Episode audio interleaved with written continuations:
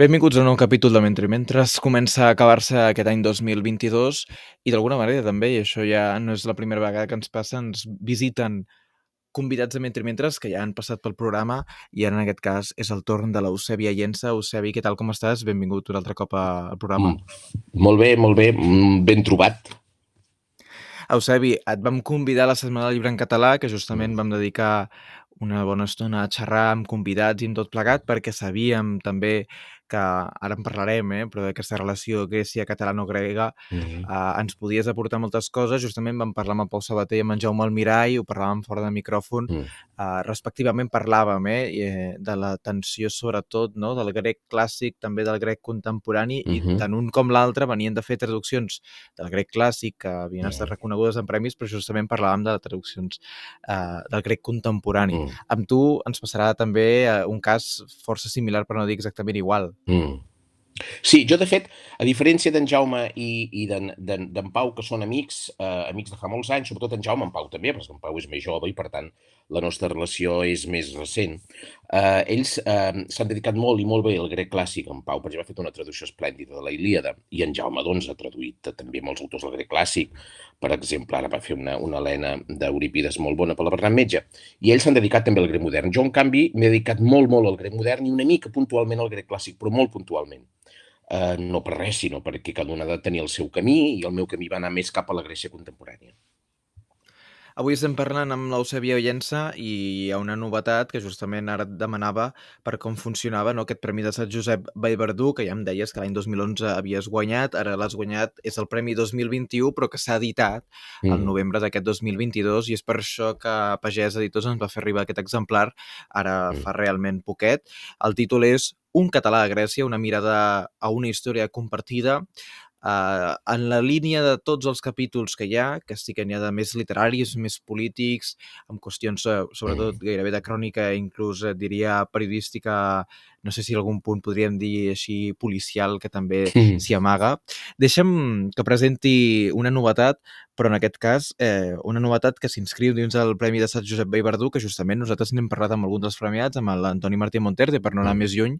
Um, de, primer, d'alguna manera, quina és la motivació que hi ha al darrere d'escriure un llibre de memòries en el qual s'hi barregen tots aquests elements, perquè alguns ja els rescataves, que, que, mm. com bé deies, però d'altres, no, d'alguna manera, també hi ha un exercici, eh, no sé fins a quin punt de trencar cert silenci o d'explicar això mm. va anar així.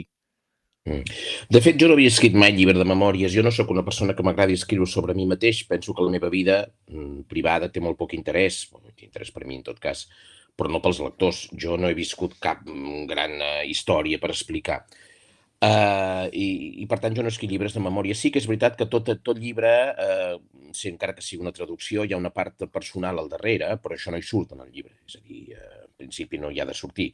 Eh, jo sóc sobretot mm, autor d'assaig i de traducció i llavors el que, el que, el que cal és que l'autor hi surti el menys possible. Si, si treballes un tema d'assaig, ha de sortir allò, allò és el protagonista. Aquell tema és el protagonista. I una traducció, el protagonista és l'autor, que tu has de traduir el teu idioma i mirar de passar desapercebut. En aquest cas, en aquest llibre, Un català a Grècia, jo eh, l'escric en primera persona. És el primer llibre, no sé si serà l'últim, mm, que és una barreja de memòries i de dietari.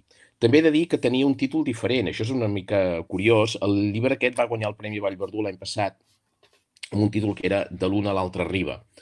Uh, homenatge a Grècia era el subtítol. Llavors, l'editora, amb molt bon criteri, em va dir que era un títol, no era en, en absolut comercial, aquest títol, i que, per tant, havíem de canviar-lo.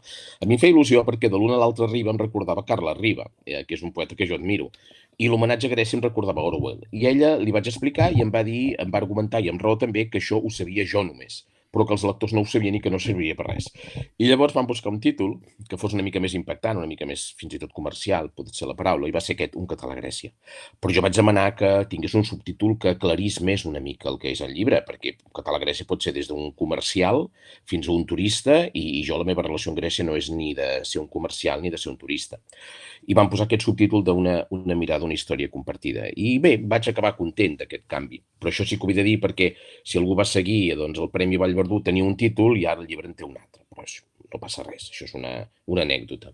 Aleshores, sí que és veritat que jo aquell llibre el tenia pensat ja feia molts anys. Uh, la meva, el meu pas per l'Institut Cervantes d'Atenes durant cinc anys és una cosa que jo volia explicar d'alguna manera. També és veritat que va acabar com el Rosari de l'Aurora, va acabar amb una denúncia penal per part del PP. Uh, jo cada cop tinc més clar que va ser per la meva política, no política, però catalana, en absolut. Jo no feia una política. El Cervantes no fa política, no ha de fer política, ha de fer difusió cultural. Però hi havia tot un tema personal que a mi m'era difícil marcar una distància, perquè quan has estat denunciat i has hagut d'anar a declarar davant d'un jutge penal a Madrid, en el meu cas, per uns delictes que no havia comès i que tot va quedar arxivat, però va ser una experiència per mi molt traumàtica, has de deixar passar el temps, perquè si no aquest llibre corria el perill de que va ser un pamflet, un pamflet incendiari, i jo no ho volia de cap de les maneres. Per tant, eh, volia deixar passar el temps, això ho deia Montaigne, eh, els, les experiències s'han de pesar, s'han de, s'han de pair i s'han d'explicar amb serenitat. I jo volia escriure un llibre serè perquè, evidentment, eh, una, un llibre de memòries tu t'impliques molt. I en aquestes memòries jo vaig passar moments excel·lents en l'Institut Cervantes, sobretot amb el personal grec, que va ser un personal excepcional, sempre ho he dit, Uh, però va bé, va acabar doncs, amb una... Perquè el Cervantes, per desgràcia, és una institució política, no és una institució cultural. En aquests moments és una institució política en la qual s'hi col·loquen els amics del partit, aquells que doncs, han deixat de tenir un càrrec i cal col·locar en alguna banda. Uh, per tant, doncs, jo el que volia era escriure un llibre serè. Un llibre serè que fos útil, perquè la meva experiència personal, la meva experiència aquesta tan traumàtica, hi havia de sortir, però el lector no té cap eh, interès segurament en aquest tema i doncs, jo no volia que això fos el, el, el, el nucli central del llibre, volia que el nucli central fos, fossin les relacions catalano-gregues, a partir dels actes que vaig organitzar o que vaig ajudar a organitzar a Atenes. Aquest era una mica el, el que jo volia que fos, i espero haver-ho aconseguit, volia que fos el llibre. Parlem, doncs, de les relacions mm. catalano, no? catalana, sí. Grècia, i d'alguna manera mm -hmm. Grècia també és un conglomerat de Grècies, i d'alguna manera sí. això també ho expliques en el llibre, i d'alguna manera també hi aquesta dedicatòria que ens entronca amb el llibre que vam parlar del Prevelakis, de mm. Crònica d'una ciutat, que justament era el llibre pel qual t'entrevistàvem perquè havies mm. revisat la traducció i l'havies sí. tornat a publicar Univers dins el catàleg d'enciclopèdia, i justament el que hi dius també de Creta, en aquest cas, és força interessant i força amable, i que d'alguna manera manera explica també en aquesta afany que fas no, de fer gairebé antropologia de les relacions mm. catalano-gregues, com d'alguna manera hi ha una tensió que se situa a finals del 19, que no sé si d'alguna manera està molt ben explicat al llibre, però ens pots també anticipar, no? Quin va ser l'interès de connectar, com trobes també aquestes referències i, si vols, ho diem tot, no? D'alguna manera, mm. què és el que està passant a, a Creta amb els turcs a, a finals del 19? Sí. De fet, eh, aquest llibre el que fa és eh, fer un repàs un repàs no exhaustiu, evidentment, perquè si no, no seria un llibre, seria una enciclopèdia, un repàs a les eh, principals eh, moments de la nostra relació amb Grècia, de Catalunya amb Grècia. I això parteix d'un projecte que jo tenia al Cervantes. Eh, mira, mira, jo quan vaig arribar a Atenes vaig veure que, bueno, ja ho sabia abans, no? però qualsevol cas, eh, eh, Grècia era una potència i segueix sent una potència cultural. Nosaltres, eh, aquesta idea d'Europa, l'Europa, aquest, aquesta Europa que hem creat amb pentes i rodolons és un projecte, perdó, és un projecte grec. És dir, els grecs ja van iniciar aquesta idea d'Europa, no? El mateix nom d'Europa era una heroïna grega.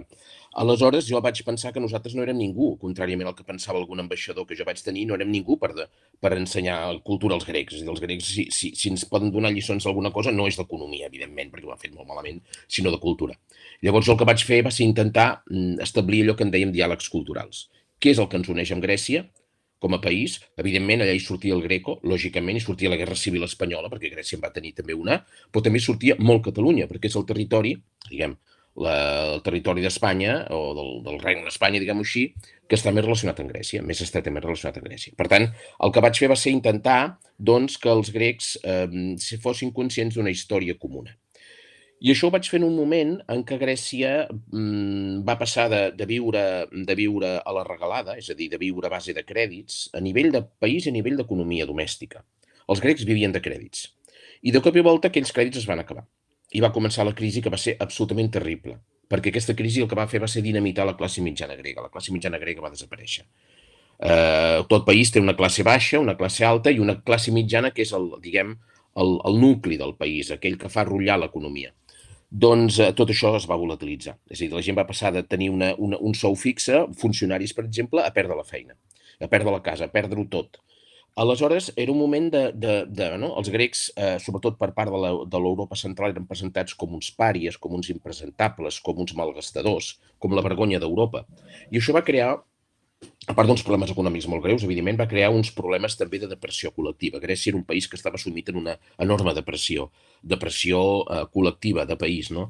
Jo sempre explico, i ho dic en el llibre, que hi havia una cosa que a mi em, em, em, em sobtava molt, que era que per, raons, per necessitats d'estalviar, aquell país de llum que és Grècia el que feia era eh, encendre una de cada... Un, els llums del carrer n'encenia un de cada tres o cada quatre. I veies un país, quan es ponia el sol, sota una penombra absolutament depriment i això era el símbol d'aquell país. El país s'enfonsava econòmicament i la gent veia que ho perdia tot. Que nosaltres no podíem resoldre aquest problema com a Institut Cervantes de cap de les maneres, però sí que podíem intentar mm, fer veure als grecs que, malgrat que econòmicament la cosa anava malament, no deixaven de ser una potència cultural i havien d'estar orgullosos d'això.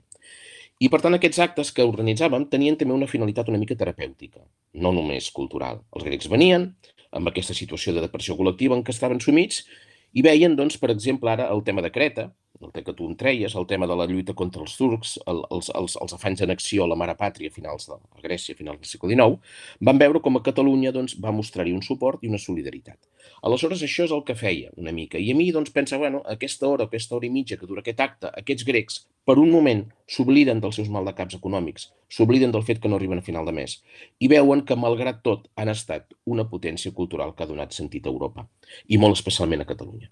I aquesta és una mica la idea. Eh? I, I, per tant, aquest llibre el que fa és repassar aquests, aquests, aquests actes, no en, no en sentit cronològic de quan es van celebrar a Atenes, sinó en sentit cronològic estricte. Comencem amb Empúries i acabem amb els autors catalans més contemporanis.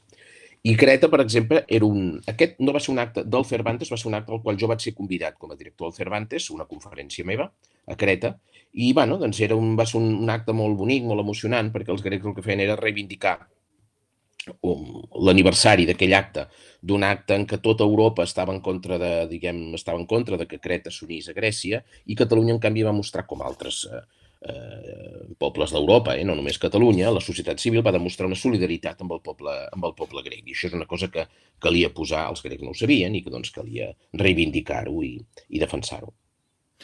Deixa'm posar una mica de mm. detall, no? justament hi ha aquesta comparativa Cuba amb l'imperi sí. espanyol, i d'alguna manera també es fa la translació, no?, en la lògica mm. cretenca. Clar. Per als, per als, per als grecs, per als grecs eh, Creta era com la Cuba que s'intentava doncs, treure's al damunt el jou espanyol i ser independent, i Creta era doncs, eh, com, una, com una Cuba que es volia treure el jou, en aquest cas otomà, turc, per unir-se, en aquest cas, a, a, Grècia. I això, evidentment, els intel·lectuals catalans no ho podien acceptar, tampoc, perquè Rubió i Lluc, per exemple, diuen, no, no, és que, escolti, els catalans tenien molts interessos a Cuba i, per tant, la independència de Cuba, la lluita, la lluita per la independència, és una cosa que els, que els, els, els, els afectava molt, molt, molt de prop. No? Bé, les coses no són tan senzilles com semblen a vegades i no, són, no tenen una única direcció. Els catalans van demostrar una, van mostrar una solidaritat en Creta, però en canvi els intel·lectuals catalans no van acceptar aquesta comparació amb Cuba. Uh, I això és una mica el que explico també en el llibre, a partir d'unes cartes de Rubió i Lluc que vaig editar ja fa un munt d'anys.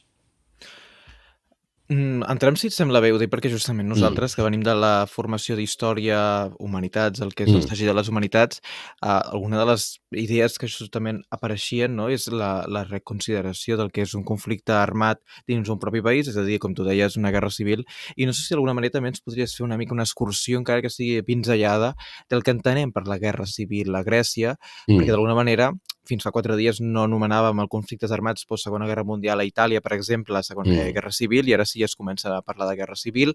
A Espanya, evidentment, se n'ha parlat sempre de Guerra Civil per la naturalesa del conflicte i per estar abans, no?, mm. per altres coses de la Segona Guerra Mundial. Dona'ns, no sé, una mica pinzellades també, sí. perquè va apareixent durant el llibre com a referències mm. i com a també com a punt, no sé fins a quin punt, um, que està com en, en l'horitzó també de les, dels imaginaris de mm. la població grega i també pot ser interessant que en parlem.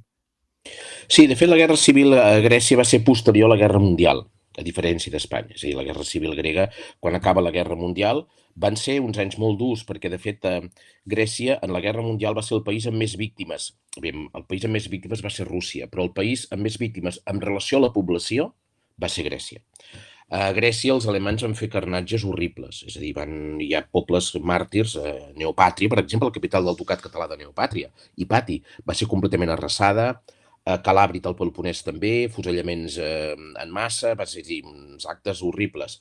I quan va acabar la guerra, la guerra mundial, que va guanyar, doncs, evidentment, el bàndol aliat, a Grècia eh, va esclatar una guerra civil. Una guerra civil entre el bàndol de dretes i el bàndol d'esquerres i va acabar guanyant el bàndol de dretes. I aquesta guerra civil es va, es va allargar del 45 al 49. Per tant, van ser ben bé 10 anys, el 39 al 49. Bé, la invasió de Grècia no va ser ben bé l'any 39, quan va esclatar la Guerra Mundial, però van ser 10 anys de conflicte bèl·lic. Primer, eh, per invasió estrangera, després per guerra civil.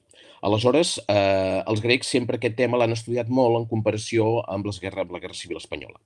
Hi han certes concomitàncies també, en el cas de, en el cas de, de, de, de Grècia doncs, també va guanyar el bàndol de dretes. Eh, hi havia també a la Guerra Civil Espanyola van venir una sèrie de grecs, de, de corresponsals grecs, per exemple, entre ells Nikos Kazantzakis, que és un escriptor importantíssim, i va estar a Espanya, per tant, hi ha tota una relació. I jo, de fet, quan portava poc Atenes, vam organitzar una exposició amb la col·laboració amb la Fundació Pablo Iglesias de cartells de la Guerra Civil Espanyola. Cartells tant del bàndol republicà com del bàndol franquista. I bueno, va tenir molt d'interès, perquè els grecs tot allò que són a Guerra Civil Espanyola els interessa perquè ells també van tenir aquesta, aquesta pròpia dosi, diguem, d'odi intern i el van viure. I, evidentment, va acabar també malament, no va acabar amb una dictadura, de dretes com va acabar Espanya, però sí que va acabar amb un govern de dretes. I va acabar amb una repressió molt dura contra el, el, els governs d'esquerres. Un poeta grec, per exemple, Ritsos, Yannis Ritsos, que és un poeta que jo admiro i que he traduït, va ser eh, empresonat, per exemple, pel fet de ser un poeta comunista. I, i bé, llavors eh, hi ha moltes relacions amb aquests dos fenòmens, malgrat que Espanya va ser anterior a la guerra a la, guerra, a la Guerra Mundial i a Grècia va ser posterior, però hi ha moltes semblances, moltes semblances pel que fa als, a les motivacions d'aquest conflicte.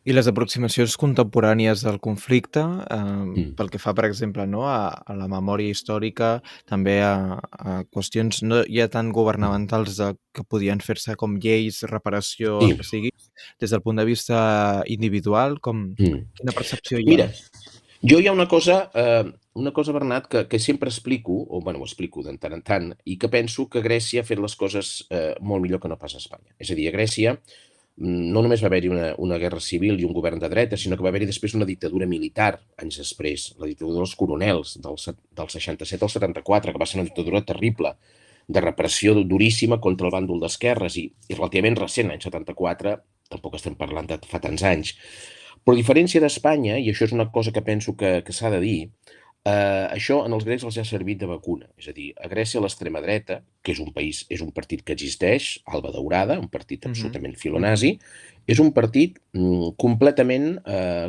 ara ja gairebé, gairebé ja no existeix, però quan existia en el Parlament grec no pactava ningú amb ell. Era un partit que estava al marge del joc polític, del joc democràtic. Ni la dreta pactava amb l'extrema dreta. I en canvi Espanya sí. Espanya veiem casos que, bueno, i, i governs autonòmics que es governen amb, amb coalició amb Vox. I això penso que és una diferència abismal, abismal entre Grècia i Espanya. Grècia ha entès el missatge de que l'extrema dreta s'ha d'aïllar, l'extrema dreta no pot entrar en el joc democràtic, i en canvi Espanya sí. Per tant, sí que hi ha hagut a Grècia una repulsa, per part fins i tot de la dreta democràtica, contra aquests eh, partits d'extrema dreta. I Espanya no. Eh, aleshores, a Grècia, malgrat els errors que ha fet com a país, que n'ha fet molts, Grècia ha sabut entendre el missatge i ha sabut entendre que eh, és veritat que va tenir una dictadura militar molt més recent que nosaltres. Pot fer el general Franco va morir l'any 75, per tant, bueno, de fet, eh, tampoc eh, estem tan allunyats en el temps. I Grècia, doncs això, és a dir, Grècia és un partit que és un país que pot governar doncs, un partit o un altre, però sempre partits democràtics. I l'extrema dreta, amb l'extrema dreta no s'hi pacta, no s'hi pacta absolutament res. I això penso que és un exemple que no hem d'oblidar. És a dir, en el col·lectiu, en la memòria col·lectiva, eh, l'extrema dreta és una altra cosa. Està al marge de tot. I la gent, evidentment, té suport a l'extrema dreta, perquè per alguna cosa la voten, però ningú hi pacta. I això crec que és important dir-ho. En un país com el nostre, eh, diguem Espanya, en què amb l'extrema dreta s'hi pacta la dreta sense cap mena de problemes.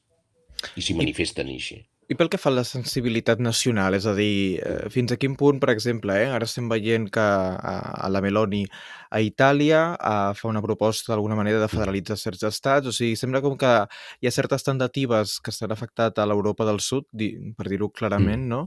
que fan aquesta tendència, que porten cap a aquesta tendència de la reivindicació nacional de, o singular d'alguns mm. indrets. No sé fins a quin punt uh, ho dic perquè no, no surt un episodi, perquè sí que és cert que no n'hi ha episodis potser gaire més així específics. Mm. Però com està aquesta situació o què ens en pots dir? Evidentment, Grècia és un país que se sent legítimament orgullós del seu passat, com és lògic. És un país que no és menys nacionalista que altres, Eh, evidentment, ara mateix vaig llegir l'altre dia al diari que hi ha converses més o menys secretes entre el govern grec i el govern britànic pel retorn dels marbes del Partenó, que és un tema obert encara de reivindicació. I és un tema mm, per als grecs molt punyent, perquè allò va ser un robatori, va ser un espoli, en tota regla. Uh, aleshores, uh, Grècia no és, que, no és un país menys nacionalista que els altres. Els grecs ho són molt de nacionalistes. Eh? Però, en canvi, també és un país que no cal oblidar que és el país en el qual, en el qual va néixer la democràcia, fa 25 segles. I això els grecs ho tenen molt clar. I el joc democràtic és el joc democràtic.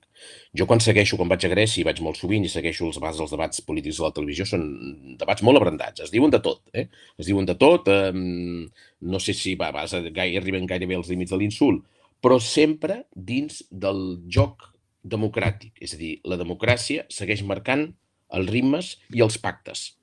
I eh, a Grècia podria triomfar un govern d'extrema, un govern, un govern tipus Meloni? Jo diria que no. Ara en aquests moments està governant la dreta a Grècia. Nova democràcia és dreta. Que podria aparèixer un, un partit d'extrema de, de, dreta i pujar com, com el cas d'Itàlia? El, el, es va intentar amb Alba Daurada i no va funcionar, per sort. Aleshores, eh, jo crec que, ja dic, és un país que, que ha viscut dictadures militars, ha viscut cops d'estat i això d'alguna manera l'ha, crec, immunitzat contra tot això. És a dir, quan sents parlar eh, els grecs hi ha moltes coses que, bueno, que, que, que no han fet bé l'economia, ha estat un desgavell uh -huh. absolut. Però, en canvi, tenen molt clar que eh, el feixisme, l'extrema dreta, la intolerància, etc eh, és, és, és, eh, s'ha de, de rebutjar. Ara mateix, per exemple, en el cas dels refugiats, no? A, a Grècia no es viuen episodis de, de, de racisme. Mm, jo no n'he viscut, jo visc en un barri a Atenes, quan el, el barri de Kipseli, molt a prop de, de la casa de Petrus Marcaris, que és un gran amic meu, i que va fer pila en aquell llibre del, dels, del, d'un català Grècia, i amb, amb gent doncs, que venen de, de, de països sobretot africans, no hi ha cap problema. Grècia és un país d'acollida, és un país que quan va haver-hi tota la immigració, tots els casos aquests de, dels campaments militars, dels campaments de refugiats, doncs la, la gent que era pobra i que són pobres ja, doncs compartien el poc que tenien. És a dir, no, no, jo no hi veig, no, no, no, no, no hi detecto aquest, aquest menyspreu cap a l'estranger. En alguns casos sí, perquè això és el que dona suport a aquest partit d'extrema dreta, però no deixa de ser residual i minoritari, per sort. I jo no crec, espero, no equivocar-me, no crec que a Grècia aparegui mai un fenomen com la Meloni en el cas d'Itàlia. Eh? Un partit d'extrema dreta, un partit xenòfob, eh, que aconsegueixi el poder mm, perquè ja s'ha intentat i no ha funcionat, amb el cas d'Alba Daurada. I una independència de Corfú, una independència de Creta, una independència això, estan en els plans d'algú? No, estan en la imaginària d'algú? Eh, de fet, eh, Grècia és un país, per exemple, és un país molt monolític, és un país que té una única llengua. Això, això ens dificulta molt als catalans, no? la nostra reivindicació del, del nostre idioma, perquè jo, per exemple, a Grècia sempre havia d'explicar que el català és un idioma. Cosa que, que bueno, la gent sembla increïble, no. A Grècia es pensaven que molta gent encara es pensa que és un dialecte de l'espanyol. Per què? Perquè no es troben, no, no és un país que tingui una pluralitat lingüística, és un país que té un únic idioma, evidentment, el cartenc és un dialecte molt, hi ha moments, hi ha eh, zones de Creta que, que fins i tot els que parlem grec són difícils d'entendre, però és un país molt monolític, amb un únic idioma i amb un sentiment nacional molt clar. Els cartencs a vegades diuen jo sóc cartenc abans de res, però també sóc grec. És a dir, jo no noto mai, no, no he vist mai cap moviment d'independència, fins i tot en plena crisi econòmica, que Creta, Creta és, una, és, un, és una illa rica, és una illa que té doncs, molts de recursos. En cap moment va sortir la idea de que Creta s'independitzés de Grècia per treure's al damunt aquest, aquest pes de la crisi, no? No, no, ells se senten, doncs, en aquest cas els catencs catencs, els, els, els curfirotes curfirotes, però se senten també grecs.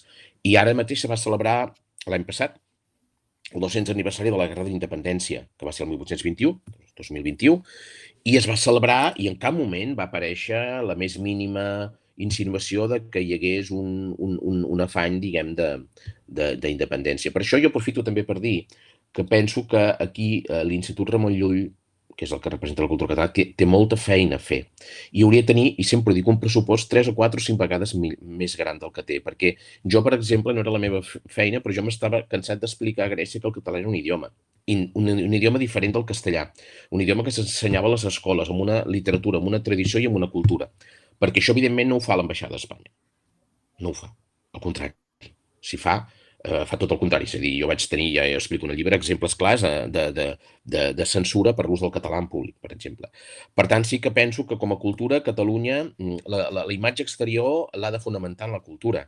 I l'Institut Ramon Llull tenir una, una, un pressupost molt més alt, fa molt i fa molt bona feina, eh? no, no, no és una crítica, però hauria de fer molt més amb un pressupost molt més alt.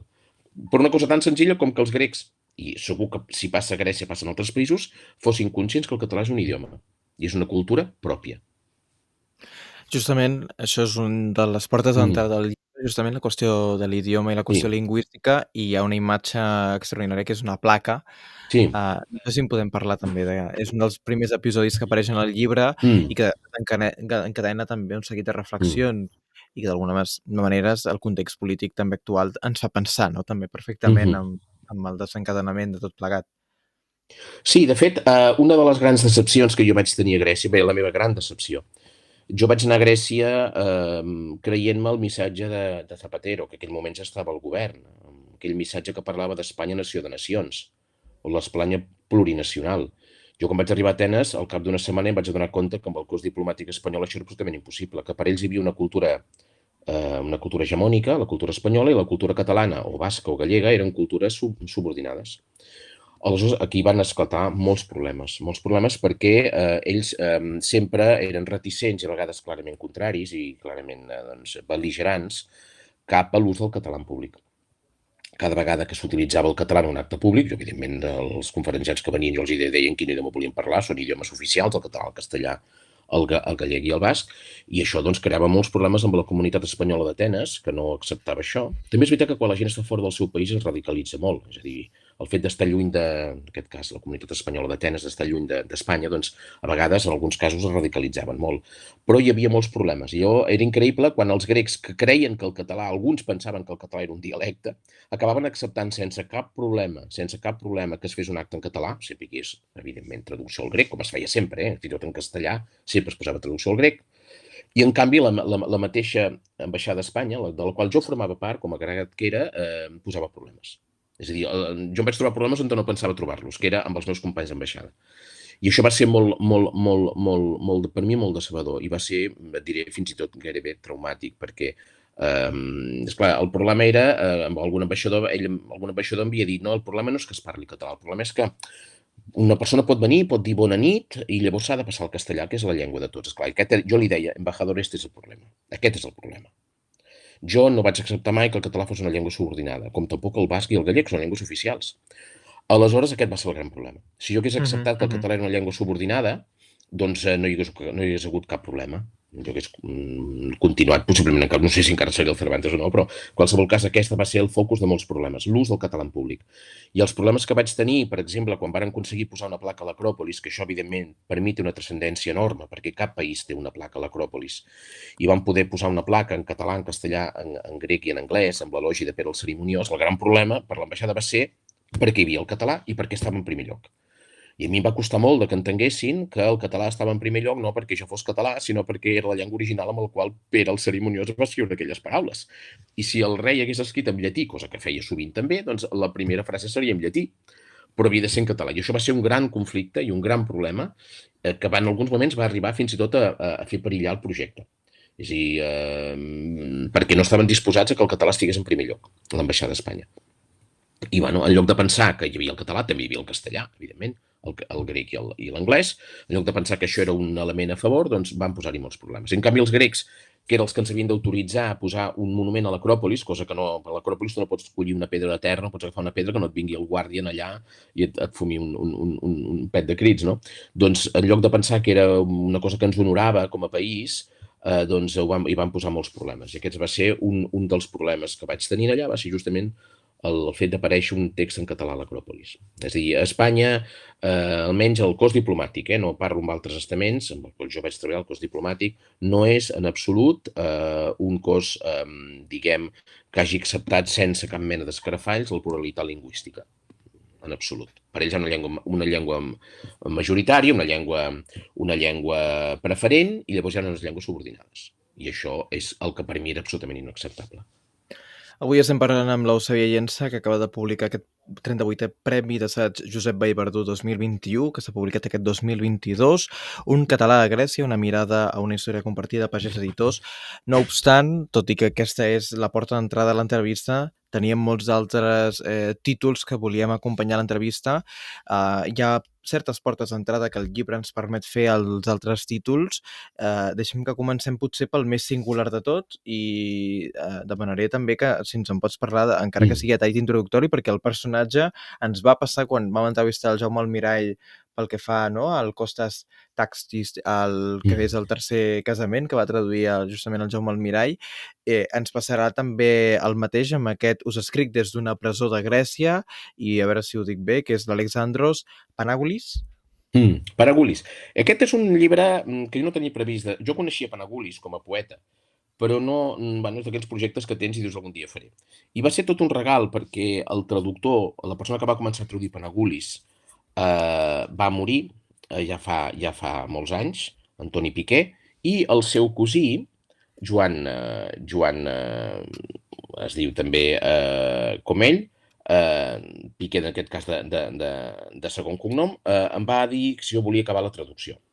Me la vaig mirar i en plena pandèmia, quan estàvem tancats a casa, vaig pensar que era el moment de fer-ho i vaig veure que realment Joan Requesens Piqué és el, el, el, el seu cosí, que és un gran verdegarià, a part d'un gran filòleg, eh, ell em va demanar si volia acabar aquesta traducció. Me la vaig mirar, vaig veure que estava molt ben feta, però que no havia acabat. Els 66 poemes havia traduït la meitat. Aleshores, eh, jo vaig acabar-la i, i vaig pensar que era eh, un exemple d'això que dèiem, no? és a dir, d'una persona d'esquerres, un noi que era, que era, no era poeta de, de professió, ell de fet era enginyer, i que va, eh, es va enfrontar de la manera més salvatge possible als coronels grecs i va preparar un, cop, un, un, un atemptat contra Iorgos Papadopoulos, el cap de la Junta Militar, l'any 68, un any després d'arribar al poder. Aquell atemptat, que era un, posar una bomba a la carretera quan passava la seva escorta, va fracassar per pocs segons, la bomba va esclatar, no sé si uns segons abans, uns segons després, i va ser tancat a la presó, evidentment, i torturat d'una manera salvatge, va ser condemnat a mort fins i tot, va, li van caure dues condenes de mort i si no el van executar va ser per la pressió internacional. Però va ser sotmès a tota mena de, de, de, de, de, de, diguem, de turments eh, terribles, no? Eh, i ho descriu en algun poema. I en algun cas fins i tot havia arribat a escriure doncs, el, amb la seva sang, la pròpia sang, havia escrit algun poema a les parets de la seva presó. Era un, era un, és, un, és un poema, són uns poemes que a part del seu valor literari tenen un valor humà, un valor humà enorme. És a dir, una persona que resisteix i, eh, eh, i ell va dir una frase que es va fer famosa, venceré perquè no em poden vèncer, és a dir, com que no em poden vèncer, eh, malgrat la submissió, el, va, va ser sotmès a fusellaments eh, ficticis, el van posar doncs, en, en, un, en, un, en, una, en una filera per, per afusellar-lo, fent veure que l'afusellaven, va ser sotmès a tota mena de, de vexacions i de turments, i d'allí va sortir un poeta. I va sortir un poeta que va morir també tràgicament en un accident de, a la carretera molt sospitós també, en uns moments en què ell va dir que faria públic uns informes que tenia que eh, comprometien una sèrie de polítics grecs democràtics després dels coronels, eh, concretament el, el, el ministre de Defensa, Yorgos Averov, eh, els comprometia perquè mm, sembla que havien, havien, havien col·laborat amb la Junta Militar i passaven de a ser demòcrates. Això una mica el que va passar a Espanya, és aquesta transició que tothom diu que és modèlica, bueno, de modèlica jo crec que no en va tenir res, és a dir, no, no, no es va no, no es va fer una neteja a fons i ara doncs tenim el que tenim. No? Doncs a Grècia ell va fer públic això i pocs dies després va morir amb, un accident de carretera una mica sospitós, que no s'ha acabat d'aclarir mai. I una mica un, un llibre que era un testimoni d'una figura, d'una resistència contra, contra, en aquest cas, un govern d'extrema dreta, un govern, una dictadura feixista, com va ser la dels coronels. Jo vaig completar la traducció, vaig escriure el pròleg i va sortir a Calígraf, que és una editorial amb la qual jo he col·laborat i amb la qual em sento sempre molt còmode, i va sortir aquest llibre que és això, un testimoni humà a part d'un testimoni literari. Justament he triat un dels poemes, eh, que és eh, Dolor, que diu així, mm. i diu Sísif, Si Sísifi veiéssim feliç, trobaríem l'infern en una altra banda. Altres veurem sofrir sense perdre's que arrosseguin pendís amunt. Quina roca més pesada hi ha que la reflexió que edifica mons i els destrueix tot d'una que incessantment avança i cerca i troba ferides per resposta. O sigui, déu nhi també el component vital que s'hi Sí. arrossega durant tota la seva poesia, justament, Mhm. i que també d'alguna manera és el, el, la tònica eh, que denota també la publicació d'aquests Us escric des d'una presó, a més, imagina't, no?, que estan tots els poemes eh, tipificats, no?, com escenes, records, Mm. aïllament, juliol, total, aïllament, aïllament, i doncs fas pensar també, no?, eh, Mhm. la imatge més tenebrosa del que el poeta Sí. pot no? esdevenir, no? En el fons, Sí. algú que parla des del dolor profund. Sí, perquè de fet cada poema, com veus, està encapçalat per, una, per unes línies que expliquen en quin Mhm. context van ser escrits aquests poemes. Sovint amb cel·les d'aïllament, sovint després de rebre una pallissa, sovint després d'un afusellament eh, fictici, un afusellament, eh, diguem, preparat, eh, en unes situacions extremes, és a dir, mm, i ho explica ell, no? Ho explica i en aquest context, engrillonant moltes vegades, lligat, lligat de mans i peus com un animal, eh, aleshores, bé, és una experiència humana i un llibre que jo penso que havíem de tenir, que havíem de tenir, que havíem de tenir eh, aquí també en català. I va ser, aquest, va ser doncs, això, completar una feina que estava molt ben feta, per cert, i, i completar-la i doncs, donar una sortida a aquest llibre i aquest missatge, d'alguna manera, de defensa de la llibertat, de defensa de la, de la, i d'oposició a tota mena de, de, de, de govern eh, dictatorial o feixista. Continuem per l'editorial Calígraf perquè Mhm. la, la qüestió no s'acaba aquí, com qui diria, i d'alguna manera un dels ponts que permet un català a Grècia és um, Cavafis, que justament és un dels autors en majúscules. Uh, no en vam poder parlar gaire a l'última entrevista perquè vam centrar en Prevalakis i aquesta història d'una ciutat, Mhm. però ara sí que aterrem a qui és Cavafis, perquè d'alguna manera Cavafis ens arriba pel que és les traduccions que en fa Riba, ens arriba també perquè sabem que molts dels temes són presents en la poesia de Ferreter, que justament aquest any estem de celebració perquè fa Mhm. a la- a l'epicentre ferreterià, però d'alguna manera eh, tu n'has traduït, eh, hi ha la teva edició que són de poesies que tradueix Riba, i em deies també fora de micròfon que la, la, la font cavafiana continua i generes Mm. encara més feina, que és traduint-lo. Sí, de fet, Cavafi és un poeta que m'ha acompanyat sempre, primer com a lector, després com a, com a, com a investigador. De fet, jo sempre dic eh, que jo respecto molt la feina dels traductors. Jo, però, no em considero un traductor. Jo sempre dic que, almenys, eh, si m'hagués de definir d'alguna manera en aquest camp de la traducció, jo sóc un filòleg que tradueix. Que això és una, és una, no és ni millor ni pitjor que els traductors, és a dir, no, no, no, no ho faig per marcar diferències. Eh, de fet, jo eh, el que feia, eh, eh, vaig fer durant molts anys, és treballar a l'arxiu Capafis. Quan anava a Atenes, eh, que és un país en què la gent sol anar a les illes de vacances i menjar-se doncs, una amanida grega i visitar l'Acròpolis, i això ja ho he fet moltes vegades i ho segueixo fent, eh? Però jo vaig anar a treballar a l'arxiu Cavafis. I llavors, per mi, treballar amb els materials del poeta, quan aquest arxiu va ser comprat per la Fundació, eh, per la Fundació Nassis i va ser accessible perquè va estar durant molts anys tancat a pany i clau eh, i amb un accés molt restringit, doncs jo allà era molt feliç i treballava i sobretot estudiava les versions prèvies dels poemes, el que el poeta escrivia sobre els seus poemes i vaig escriure també algun article sobre aquest tema. I va ser com a fruit d'aquesta investigació sobre l'arxiu Cavafis de 6 o 7 anys que vaig començar a traduir-lo al català. En aquest procés, en aquest procés, diguem, d'estudi de, de, de, del poeta, va aparèixer, doncs, aquest llibre, eh, aquest llibre que tu dius, les, la, la revisió, la, la reedició de les traduccions de Carla Riba, a partir de la correspondència que ell va tenir amb Júlia Iatridi, que era una escriptora grega amb la qual s'escrivia, i va ser qui li va donar a conèixer Capafis. Eh, I llavors aquesta edició mm, amb cal·lígraf, aquesta edició de les versions de Riba, el que afegeix és la correspondència amb Júlia Iatridi, tot el que ell li explica, i això també va sortir a Catalunya en un llibre que es deia D'una nova llum, Carles Riba i la literatura grega moderna, que també va tenir el Premi Vallverdú, però aquest fa 10 anys, i eh, molt de material de l'arxiu Cavafis. És a dir, la primera, el primer fruit que- d'aquesta meva recerca va ser aquesta edició, en el qual a les notes apareixen molts materials, molta informació sobre sobre Cavafis, sobre els seus manuscrits, allò que ell explica dels seus poemes, etc. I també va sortir, per exemple, després aquest altre llibre, Reflexions, eh, Poemes de reflexions d'un jove artista, amb materials també de l'arxiu Cavafis. I aquest va ser una mica la meva primera aproximació, material nou de l'arxiu Cavafis. I la, en plena també pandèmia vaig començar a traduir els poemes una mica com a exercici. És a dir, era un moment que tots vivíem amb aquella incertesa de saber què passaria. Cada 15 dies allargaven el, el confinament, no sabíem si allò duraria una setmana, dos, i va acabar durant doncs, gairebé mig any. I a les tardes aquí a l'Empordà on jo visc, que eren tardes llargues, amb temps molt bo que feia, em vaig posar doncs, aquí al jardí de casa cada dia a traduir algun poema. I vaig acabar traduint a poc a poc tota la seva obra.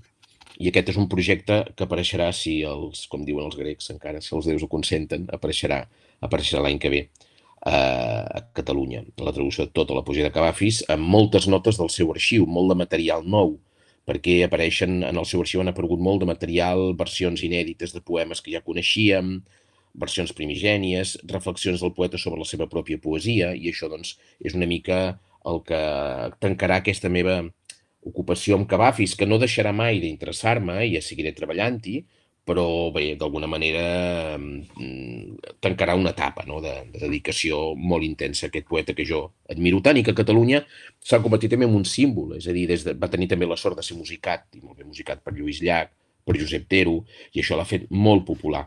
I és un poeta que molta gent no el coneix, però quan parles d'Ítaca, la gent mm, sap què és Ítaca. I sap l'idea, ara mateix amb el moviment independentista doncs apareixia aquest símbol, hem d'arribar a la nostra Ítaca, la Ítaca és el nostre, eh, el camí pot ser llarg però hem d'arribar a Ítaca, això és el poema Ítaca de Cavafis. I molta gent no ho sap que hi ha un poeta que es diu Cavafis al darrere, però coneix el mite d'Ítaca gràcies a la versió musical de Lluís Llach, per exemple. Per tant, és un poeta que a Catalunya ens estimem molt, perquè ha tingut molt bons traductors com Riba i ha tingut molt bons músics que l'han musicat en el cas arriba, però no l'arriba a traduir tot, mm. i d'alguna manera també m'imagino que aquí hi ha la motivació també de, de traduir-lo tot al català. Sí, de fet, eh, Riba va traduir una part molt petita, va traduir, eh, eh, sembla que deu ser un 20% de tota la seva obra poètica. També és veritat que el cas de Cavafis és com un iceberg, és a dir, Cavafis Eh, fins fa pocs dies coneixíem la punta de l'iceberg, que com els icebergs tenen una part que es veu i una part molt gran su, eh, submergida. No? Cavafis, a part dels 154 poemes canònics, dels quals Ribben va traduir només 66, ni tan sols va traduir tots els poemes canònics, això no estava molt clar si és que va morir abans de que ho acabés o si va eh, decidir només fer una antologia. I la correspondència amb Julia Tri demostra que no, que va voler fer una antologia, i va ser conscient. Ell és veritat que va morir, va morir sense haver escrit el pròleg per tant, les motivacions que el van portar a escriure Cavafis no les coneixíem. Ho sospitàvem, però no ho coneixíem. I això va ser per mi una gran sorpresa, molt agradable, quan vaig descobrir unes cartes de Riba a Atenes, a, a, a Gina concretament, eh, en el fill, l'arxiu del fill de Julia Tridi, cartes de Carles Riba, en què explica per què li interessa Cavafis. I això és molt interessant perquè quan Riba va anar a Grècia l'any eh, finals dels anys 20 del segle passat, va anar eh, mostrant un absolut menyspreu mm, per la cultura grega contemporània i per la literatura. És a dir, no té cap interès, li interessa el grec clàssic. Això és un fenomen que passa amb molts filòlegs clàssics, encara per desgràcia, que creuen que la Grècia moderna és una mena de generació, una cosa mig turca. I arriba a anar amb aquests aires una mica d'enfant de, terrible, i d'una mica pedant, o bastant pedant. Té alguns comentaris molt, molt despectius cap a la Grècia d'actual. Uh, hi ha una, una, una escena que ell arriba a Atenes amb el vaixell i diu que aquest vaixell està ple de greguets tronats i ridículament nacionalistes. És a dir, té paraules molt i molt despectives. I, en canvi, encara que això que diré és una mica dur, la guerra civil al Riba li va servir per humanitzar-se. És a dir, aquell gran intel·lectual de que volta veu que s'esfondra el seu món, que ha d'anar a l'exili, i això l'humanitza. Això és evident. I aquest, eh, aquest eh, Riba, que es mostrava tan reticent cap a la Grècia actual i cap a la seva literatura, quan comença a escriure's amb Júlia Iatridi, amb aquesta escriptora grega, mm, doncs ella li dona a conèixer Cavafis, li, dona a conèixer, li parla de Seferis, li parla de Kazantzakis, i aquell Riba comença a tenir interès per aquella literatura. I la carta, una, una carta molt emotiva és l'última que li escriu pocs mesos abans de morir. Riba va morir d'una manera inesperada com a mm. conseqüència d'una operació que li van fer que no havia de ser mm -hmm sí, no devia ser gaire complicada. Aleshores, ell li diu en l'última carta, diu, eh, esperem tornar a Grècia, Clementina i jo, i aquest viatge no serà un viatge de plaer, no serà un viatge de, de turisme, serà un viatge per descobrir la Grècia d'avui, que m'interessa tant.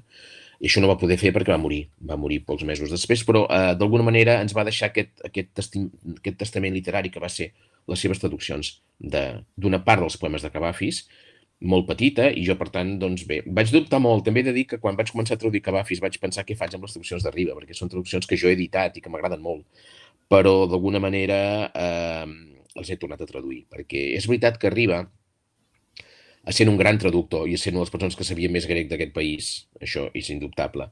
En temes, amb els poemes eròtics, per exemple, quan trobis algun poema eròtic, el que fa és rebaixar una mica la contundència dels mots que apareixen en Cavafis. Perquè Cavafis és un poeta que jo sempre dic el mateix, un poeta que reneix a la vulgaritat, reneix a la vulgaritat i, i sense arribar mai a caure. És a dir, està pel, pel, pel, pel pendís que porta cap a la vulgaritat, però no hi acaba de caure mai. I això és el que el fa un gran poeta. Perquè si, si agafes els poemes eròtics de Cavafis, si el llegeixes, l'escena que ens descriu és d'una vulgaritat i d'una i d'una sordidesa enorme. És a dir, sovint dos nois joves de, de, de classe social desvalguda, eh, que fan l'amor d'amagat en un soterrani, en un matalàs a terra, és a dir, mires allò i allò podia, aquell material podia donar un poema d'una vulgaritat i d'una sordidesa enorme i en canvi fa un gran poema. I això és la grandesa de Cavafis en els seus poemes eròtics. A mi m'agraden molt els històrics, també, eh? però els eròtics, que són aquells que són més fàcils d'entendre perquè no hi ha referències històriques al darrere, i això és el que arriba, a sent com era un gran poeta, hi ha paraules de, la, de, de Cavafis que maquilla una mica. És a dir, la paraula,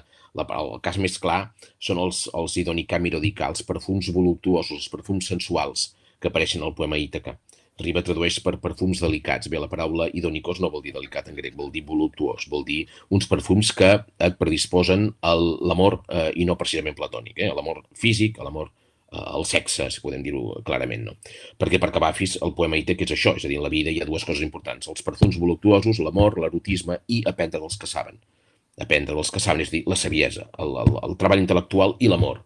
I això és un missatge que crec que, que l'hem de fer nostre, perquè Cavafi sobretot també era un gran filòsof, és a dir, la vida és això, és l'amor, és la passió i també és l'estudi, el, treball. I per tant, Riba, d'alguna manera, el que fa és rebaixar una mica el to d'algunes paraules. No hem d'oblidar que eh, era fill d'una època, Riba, als anys 50, en què la moralitat, evidentment, bueno, i va fer molt, eh, traduint els poemes, alguns poemes eròtics, va anar molt més enllà del que molts pensaven. No? Llavors vaig pensar que era el moment de fer un cabafis, eh, un cabafis amb, amb, el, amb el llenguatge actual, és a dir, quan cabafis utilitza un adjectiu com és oreos, que vol dir vell o guapo, evidentment, si hi ha una escena de dos nois mmm, que un li diu a l'altre que és molt guapo, eh, jo no m'imagino dos nois de classe social molt desvalguda que li digui un a l'altre ets bellíssim. No, no, el que li diria és ets guapíssim o coses pitjors. I per tant penso que cal tornar a acabar fins al nivell que té. No podem fer parlar els, els, els, els seus protagonistes com si fossin intel·lectuals eh, d'un nivell altíssim. Són nois de classe social sovint molt desvalguda i, i, molt, eh, i per tant han de parlar com parlaria un noi d'aquella. I així ho fa Cavafis. Per tant, Cavafis no només en Ribes, sinó en molts traductors, tendeixen a elevar el to. I aquells nois veus que parlen del seu amant Eh, que és un pinxo com ells, em parlen com si fos gairebé eh, un, un, un catedràtic d'universitat. No, no, ja, no, les coses no van així. Cal, cal tornar a Cavafis el llenguatge que té Cavafis originalment. I això és una mica el que jo intento fer. Seguint sent un gran admirador de les traduccions de Riba, eh? vull dir, no una cosa no treu l'altra. Eh, jo estic segur que quan surti la meva traducció, si tot va bé l'any que ve, eh, bueno, doncs algun dirà, a mi aquest poema m'agrada més la versió de Riba, em semblarà fantàstic. Eh? Jo he intentat fer la meva versió, però penso que dels grans poetes hem de tenir més d'una versió i cada una ha d'escollir el que li agradi més, amb tota llibertat. No, no, no es tracta de competir, ha de presentar una nova opció i ja està. Eusebi, també et volia preguntar justament, perquè ara mm. que estàs parlant no, d'estils, de, eh, hi ha sempre una cosa que, que el programa ha anat sortint o ens ha fascinat mm. i és justament les dues traduccions a l'Odissea de, de Riba. I no sí. sé si en aquest sentit li vam preguntar d'aquella manera en el Jaume Almirall i ens va dir això és una cosa que justament caldria amb, amb molta mm. calma parlar-ne. És, eh, és un aspecte no entrat des de la filologia pura, sí. sinó entrat des del concepte gairebé i nosaltres que d'alguna manera no, des de l'entrevista mm. ens sembla assenyalar, és interessant. No sé fins a quin punt tu també et va interessar o, o, o algun punt t'ha mm. interessat també el, el canvi eh, que li produeix o també que necessita produir, eh, retraduint l'Odissea. I no sé si això també pot donar pistes, no?, ara el que deies de les solucions lingüístiques que pot aportar Riba en alguna de les seves traduccions. Sí. Jo, evidentment, quan llegeixo l'Odissea, llegeixo la traducció de Riba. I per mi és insuperable. El que passa és que sí que és una traducció d'un nivell alt, molt alt, i jo, que he estat professor d'institut molts anys, eh, i també giro a la universitat, eh, és un nivell de llenguatge que, mal, malgrat, malgrat que és trist dir-ho, els alumnes actuals no, no tenen. Per tant, la traducció de Riba és una traducció per gent que té un, diguem, un pòsit de lectures al darrere i un coneixement de l'idioma. Uh, Riba com a poeta no era un poeta fàcil, precisament. Les elegis de Verbil, que jo vaig traduir el grec en companyia d'un col·laboració amb un amic, amb Nikos Pratsinis, no és un llibre fàcil, aleshores les seves traduccions tenen un nivell, un nivell eh, alt. El Matí Riba les va refer, és veritat, en dues vegades, eh, els va adaptar, va adaptar a l'exàmetre, um, els, els que tradueixen amb exàmetre, és el que en, pa, en Pau Sabater, fan una, una, una adaptació molt més lliure de l'exàmetre, no tan encarcarada. Evidentment, eh, jo sóc un gran admirador de Riba, però entenc també que la versió de Riba és una versió, eh, una versió doncs, eh, d'un nivell a vegades molt elevat. No?